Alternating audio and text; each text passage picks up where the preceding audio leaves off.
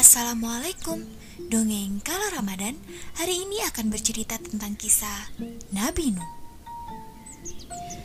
Sebelum mendapatkan tugas kerasulan Nabi Nuh merupakan seseorang yang tekun Gemar bersyukur dan tentu saja beriman kepada Allah Subhanahu wa taala. Sementara di zamannya setelah Nabi Idris tidak ada lagi di bumi, manusia mulai membuat patung yang mirip dengan pemimpinnya, dan mereka mulai menyembahnya. Manusia mulai melupakan Allah dan menganggap kedudukan Nabi tidak lebih terhormat dari kaumnya.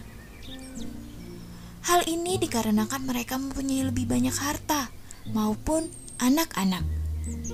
Dan saat itulah Allah menunjuk Nabi Nuh sebagai petunjuk jalan yang benar bagi manusia. Nabi Nuh berdakwah agar kaumnya kembali kepada ajaran Allah Subhanahu wa taala. Ia sangat tekun untuk mendakwahi apa yang Allah sampaikan ke berbagai tempat di muka bumi, baik siang dan malam. Nabi Nuh terus berkeliling sambil berdakwah agar kaumnya bersedia menuruti ajaran Allah yang disampaikan melalui dirinya. Tetapi kaum tersebut tidak mau menerima ajaran-ajaran yang Nabi Nuh bawakan. Bahkan kaum tersebut menuduh Nabi Nuh sebagai seorang pendusta.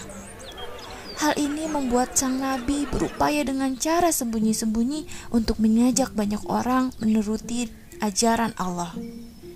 Walaupun sudah disampaikan dengan cara bersembunyi-sembunyi, namun tetap saja kaum Nabi Nuh justru menuduh ia merasa iri terhadap kemewahan dan kekayaan mereka sehingga Nabi Nuh dianggap membutuhkan harta benda milik mereka. Akan tetapi, Nabi Nuh menegaskan bahwa ia sama sekali tidak mengendaki uang mereka sebagai upah, sebab upah yang sebenarnya berasal dari Allah Subhanahu wa Ta'ala. Namun, tetap saja kaum kafir tersebut, mereka tetap tidak mau mendengarkan Nabi Nuh dan tetap menyembah berhala. Hal ini juga terjadi kepada istri dan anak-anaknya.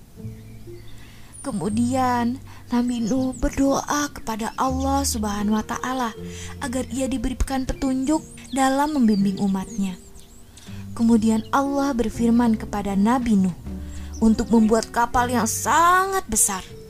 Dan kapal ini nantinya akan menyelamatkan manusia dari banjir yang akan segera datang.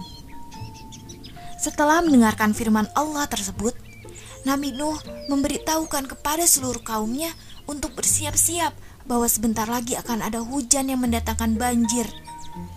Dan hanya Allah lah yang mampu menyelamatkan manusia. Namun sangat disayangkan, kaumnya tetap saja tidak mau mendengarkan. Bahkan tidak ada dari mereka yang mau percaya. Setelah kapal sudah selesai dibuat, Nabi Nuh dan pengikutnya telah bersiap-siap Nabi Nuh membawa hewan masing-masing sepasang, jantan dan betina. Kemudian tidak lama dari itu, hukuman datang dari Allah bagi orang yang tidak beriman. Di tengah cuaca yang terik dan panas, hujan tiba-tiba datang.